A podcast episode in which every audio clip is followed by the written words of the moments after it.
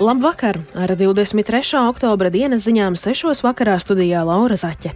Vispirms ieskats tajā, ko vēstīsim. Gazas joslā pasliktinās humānā situācija.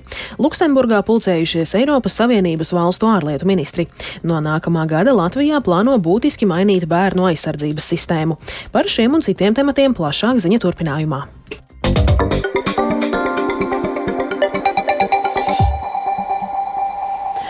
Turcijas prezidents Reģeps Taips Erdogans iesniedzis Turcijas parlamentam ratificēšanai protokolu par Zviedrijas uzņemšanu NATO, tā paziņojas prezidenta birojas. Iepriekš Erdogans kavēja Zviedrijas dalības ratifikāciju, apsūdzot Stokholmu par pārāk maigu attieksmi pret kurdu kaujiniekiem un citiem grupējumiem, kurus viņš uzskata par draudiem drošībai. Vēl gan nav zināms, kad Turcijas parlaments lems par Zviedrijas dalību NATO. Humānā situācija Gazas joslā pasliktinās, taču pagaidām tur ir ieradušies tikai daži desmiti kravas automašīnu ar palīdzību. ASV apgalvo, ka Izraela neliks šķēršļus turpmākām palīdzības piegādēm. Tikmēr Izraēlas spēki pastiprinājuši gaisa uzbrukumus teroristu grupējuma Hamas pozīcijām Gazas joslā. Turpina Rustams Šukurovs. Ēģiptes sarkanais pusmēnesis paziņoja, ka šodien vēl viena humanitārās kravas kolona sasniedza gazu, taču organizācija neminēja, cik kravas automašīnas bija iesaistītas kravu nogādāšanā.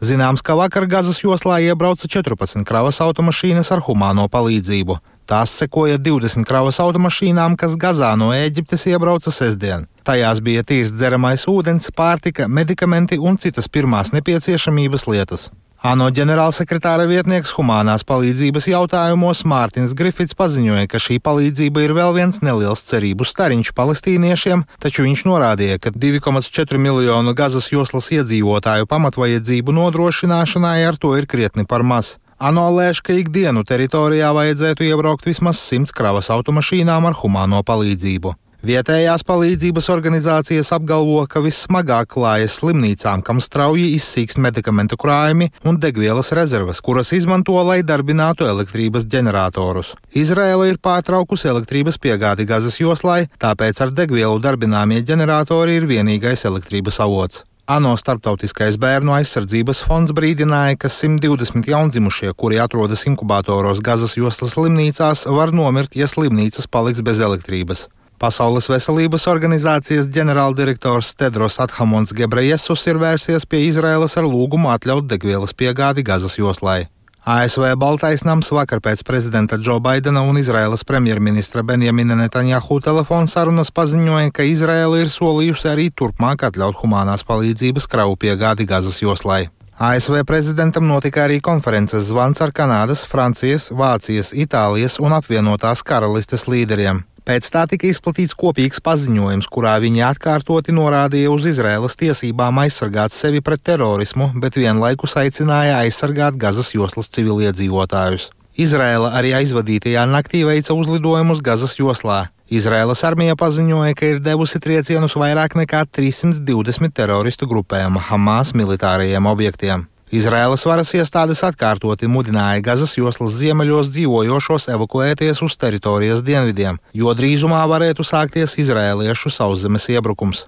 Tikmēr amerikāņu laikraksts New York Times atsaucoties uz vairākām ASV amatpersonām vēsta, ka Baidena administrācija ieteikusi Izrēlai atlikt sauszemes iebrukumu Gazā, cerot iegūt laiku sarunām par ķīlnieku atbrīvošanu.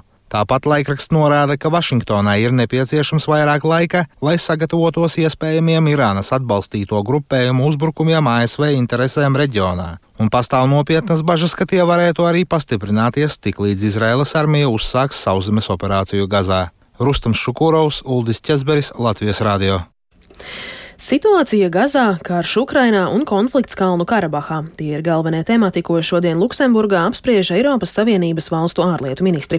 Pirms sanāksmes Eiropas Savienības augstais pārstāvis ārlietās Žuzeps Borels sacīja, ka galvenā prioritāte ir panākt, ka humanā palīdzība patiešām sasniedz Gazas iedzīvotājus. Ir ne tikai svarīgi palielināt humanās palīdzības apjomu, bet jo sevišķi nodrošināt, ka tiek piegādāta degviela. Tā ir vajadzīga, lai varētu darboties elektrostacija un ūdens atsāļošanas iekārtas. Citādi tur nav nedz ūdens, nedz elektrības. Bet bez tām slimnīcas gandrīz nevar darboties.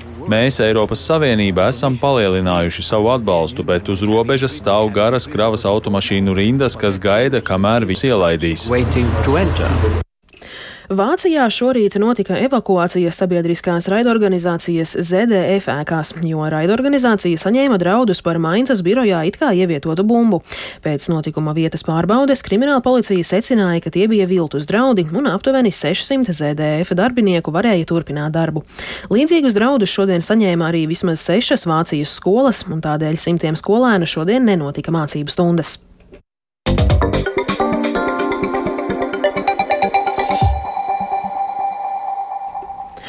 No nākamā gada Latvijā plāno būtiski mainīt bērnu aizsardzības sistēmu. Valsts bērnu tiesību aizsardzības inspekciju no nākamā gada dēvēsim par bērnu aizsardzības centru, kā arī jau drīzumā darbu uzsāks bērna māja, kurā visa nepieciešamā palīdzība vardarbībā cietušiem bērniem būs vienu vietu. Vairāk Paulas Dēvicas ierakstā. Nereti bērnu varmākas ir ģimenes locekļi, taču apcelšana notiek arī skolās. Rīgas Stradiņa universitātes pētījumā secināts, ka vairāk nekā 40% skolēnu saskaras ar vardarbību izglītības iestādē.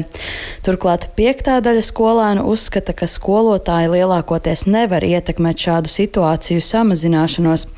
Un problēmas ir ne tikai skolās, arī citos bērnu aizsardzības sistēmas posmos tiek pieļautas kļūdas, un cietušie saskaras saskars ar nevērīgu, pat vienaldzīgu attieksmi. Tomēr valdība un nozare ir apņēmusies to mainīt. Vērienīgas izmaiņas no nākamā gada piedzīvos valsts bērnu tiesību aizsardzības inspekcija. Turpina vadītāja Gunita Kovaļevska. Mēs nereti varam nesadzirdēt, ne tāpēc, ka negribam, bet tāpēc, ka a, mums ir daudz citas lietas, ko darīt, mums ir daudz dažādu problēmu, ko risināt, un tad nereti pašu bērnu dzirdēt nu, kaut kur eh, tas varbūt kaut kur paliek maliņā, jo tad, ja tajā vienā reizē, ja bērnu mēs neuzklausām, tad otrajā reizē viņš pie mums vairs nemaz nenāk. Inspekcija nākamgad piedzīvos nosaukuma maiņu, un turpmāk to zināsim kā bērnu aizsardzības centru. Mainīsies arī iestādes darbs. Tā galvenokārt būs jāstrādā pie sistēmas sinhronizēšanas, proti jāraugās, lai iesaistītās iestādes, kā skolas, veselības aprūpes iestādes, sociālie dienesti un citas, darbojas saskaņoti un notiek informācijas apmaiņa. Plānots arī mazināt uzraudzības un kontrolas funkciju, taču par to bažīgs ir tiesības sargs, kurš iepriekš publiski izteicies par risku, ka bērnu tiesību joma varētu palikt bez uzraudzības un kontrolējošās iestādes. Nozarē gan uzsver, ka šobrīd lielākā problēma ir tā, ka sistēmā trūkst sazobes, skaidro Bērnu Kliniskās Universitātes slimnīcas anestezioloģijas un intensīvās terapijas klīnikas vadītāja Arta Bārsdiņa. Kad atgriezniskā saite noslēdz šo apli, ka mēs saņemam atbildi, kas ar to bērnu, par ko mēs esam ziņojuši, kas tad tālāk ir noticis, kur viņš ir palicis, vai viņš ir drošībā. Jo, nu, It kā mēs iesākam, inicijējam šo institucionālo rīcību kaskādi, un tad klausies, tu kaut ko esi dzirdējis, kā mm -hmm. tur viņam beidzās. Nē, nezinu. Informācijas apriti kā galveno problēmu min arī Bērnu tiesību aizsardzības centrā Dārdedze. Centra komunikācijas vadītāja Anda Avena stāsta, ka speciālistiem, piemēram, jaunajiem ārstiem un pirmsskolu pedagogiem, trūks zināšanu par vārdarbību, kā arī nereti nav skaidrības par pazīmēm, kas norāda uz iespējamu vārdarbību īpaši agrīnā stadijā. Avena arī uzsver, ka bērnu aizsardzības sistēmas reformā galvenokārt jāpanāk, lai nenotiek cīņa ar sekām, bet iejaukšanās iejaukšanās notiek jau ātrāk ārsts varētu ziņot sociālajiem dienestam. Šobrīd šādas likumdošanā šādas normas nav. Ir vienīgā norma par to, ka noteiktās situācijās jāziņo policijai, bet uh, mūsuprāt tas jau ir daudz par vēlu. Tad mēs tiešām cīnāmies ar sekām. Un, uh, šobrīd uh, šis te, nu, nedaudz preventīvāks līmenis, kas būtībā nozīmētu ārstu intervenciju jau sekundārajā līmenī, kad bērna vecākam, piemēram, ir tās pašas mentālās veselības problēmas vai vai um, atkarības vai alkohola atkarība. Viena no būtiskajām izmaiņām bērnu aizsardzībā jau ir panākta. Latvijā ieviesīs bērna māju. Tā ir starpinstitucionāla programma ar mērķi novērst retraumatizāciju izmeklēšanas un tiesvedības laikā. Tā piedāvā viena kontaktpunkta pieeju, saskaņā ar kuru vienā bērnam piemērotā telpā sadarbojas visas attiecīgās institūcijas. Paula Dēvica, Latvijas radio. Vairāk nekā 40% skolēnu saskaras ar sistemātisku vardarbību Latvijas skolās. Tā liecina Rīgas Stradiņa Universitātes veiktais pētījums. Izglītības vadītāju asociācijas prezidents Siguldas valsts ģimnāzijas direktors Rudolfs Kalvāns norāda, ka par bērnu uzvedību trūkst tiesisku pienākumu un atbildības vecāku pusē. Vecāki cenšas pieļautās kļūdas audzināšanā novelt uz robiem sistēmā, bet skola ir vien palīgs bērnu audzināšanā, tā sacīja Kalvāns.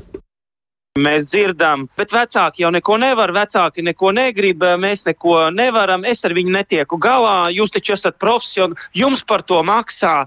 Bet tas ir tavs bērns. Mēs esam atklausījušies šo vienkārši krustu šķērsu. Direktori pirmkārt iestājamies, ka ir jāmaina individuālā, humānā domāšana, aizsargājot, jo ar to mēs esam ļoti aizrāvušies, šausmīgi aizsargājot arī to varmāku, sasietas tiesiski rokas, mums ir vērsties pret šo ģimeni, pret šo jaunieti.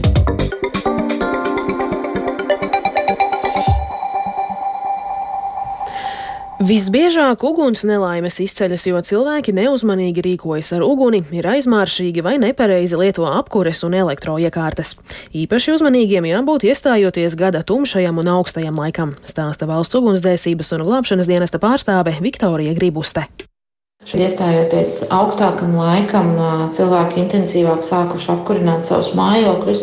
Pirmkārt, dūmvados ir jāveic tīrīšana, un arī lietojot apkurss iekārtas, ir jāievēro piesardzība un drošības noteikumi. Piemēram, malkas krāsniņas priekšā nenovietojot degspējīgus priekšmetus vai uz plīts nežāvējot priekšmetus. Kritiski jāizvērtē elektroierīces, ko mēs lietojam, un ja ir kaut mazākie bojājumi, instalācijās, vados, kontaktu savienojumos, tad šādu elektroierīci lietot nedrīkst. Tāpat tās arī ierīces, kuras sakarsts regulāri ir jātīra no putekļiem.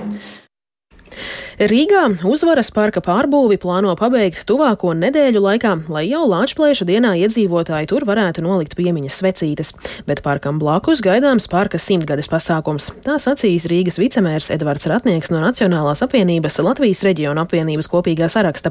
Vienlaikus vicemērs norādīja, ka ap, se, ka ap 7,5 miljoniem eiro vērtos darbus var ietekmēt laikapstākļi. Bet noslēgumā vēl par sportu.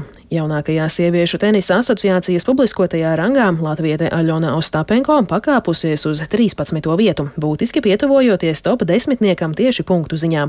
Pēdējo reizi starp desmit labākajām pasaules tenisistēm Latviete atradās pirms pieciem gadiem. No pirmā desmitnieka Ostapenko šķir vairs tikai 160 punktu. Aizvadītajā nedēļā noslēdzās VTA regulārā sezona, taču šonedēļ sāksies elites trofejas turnīrs Ķīnā, kur paredzams trešdien piedalīsies arī Latviete. Vairāk stāstā tenisa apskatnieks Māris Rozentāls. Milzīga nestabilitāte. Nu, viņi vinēja labākās un zaudēja ļoti vājām, reitingā krietni zemākām. Tā kā kaut kur varbūt tas reizēm nav saprotami, bet, nu, zinot to viņa spēles stilu, ka viņa nu, spēlē principā bezmaz vai visu vai neko, tad tā arī sanāk, ka vinēja tur pasaules desmitnieks un zaudēja, tagad tikko Seulā zaudēja pat 500 kaut kur. Tā kā šogad, eh, manuprāt, viņi spēlē tomēr, nu, krietni augstākā līmenī, tādā ļoti augstā līmenī, jo tomēr tiešām tuvojas desmitniekam, tas ir ļoti augsts līmenis, bet, nu, daži varbūt eh, labāk nospēlēt maču pēc sliktām pretniecēm un viņi būtu, ja tajā desmitniekā varbūt pat jau pat piecinieks. Ar to izskan 23. oktobra dienas ziņas. Producents Viktors Pupiks, ierakstus montēja Renārs Steimanis, pieskaņu pults Ernests Valds Fjodorovs, bet studijā Laura Zaķe. Vēl tikai par svarīgāko. Turcijas prezidents iesniedzis parlamentam ratificēšanai protokolu par Zviedrijas uzņemšanu NATO. Gazas joslā pasliktinās humānā situācija, bet no nākamā gada Latvijā plāno būtiski mainīt bērnu aizsardzības sistēmu. Un noslēgumā vēl tikai par laikapstākļiem. Yeah. Gaisa temperatūra Rīgā šobrīd ir 8 grādi un pūš ziemeļu vējš 2 m2. Atmosfēras spiediens ir 761 mm, bet relatīvais gaisa mitrums - 80%. Par to, kāds laiks gaidāms turpmākajās dienās, pastāstīs sinoptiķis Toms Bricis. Šonadēļ laiks Latvijā būs pārsvarā apmācies un pelēcīgs, brīžiem līs no trešdienas līdz piekdienai vietām lietum var pievienoties arī slapjš sniegs. Nākamajā naktī temperatūra vēl visā Latvijā saglabāsies virs nulles, bet no trešdienas kļūs vēsāks. Naktīs plus 1, plus 5 grādi, bet vidzemē un latgalē līdz 0,3 grādiem. Dienās lielākoties plus 1, plus 7 grādi. Brīvdienās atkal kļūs mazliet siltāks.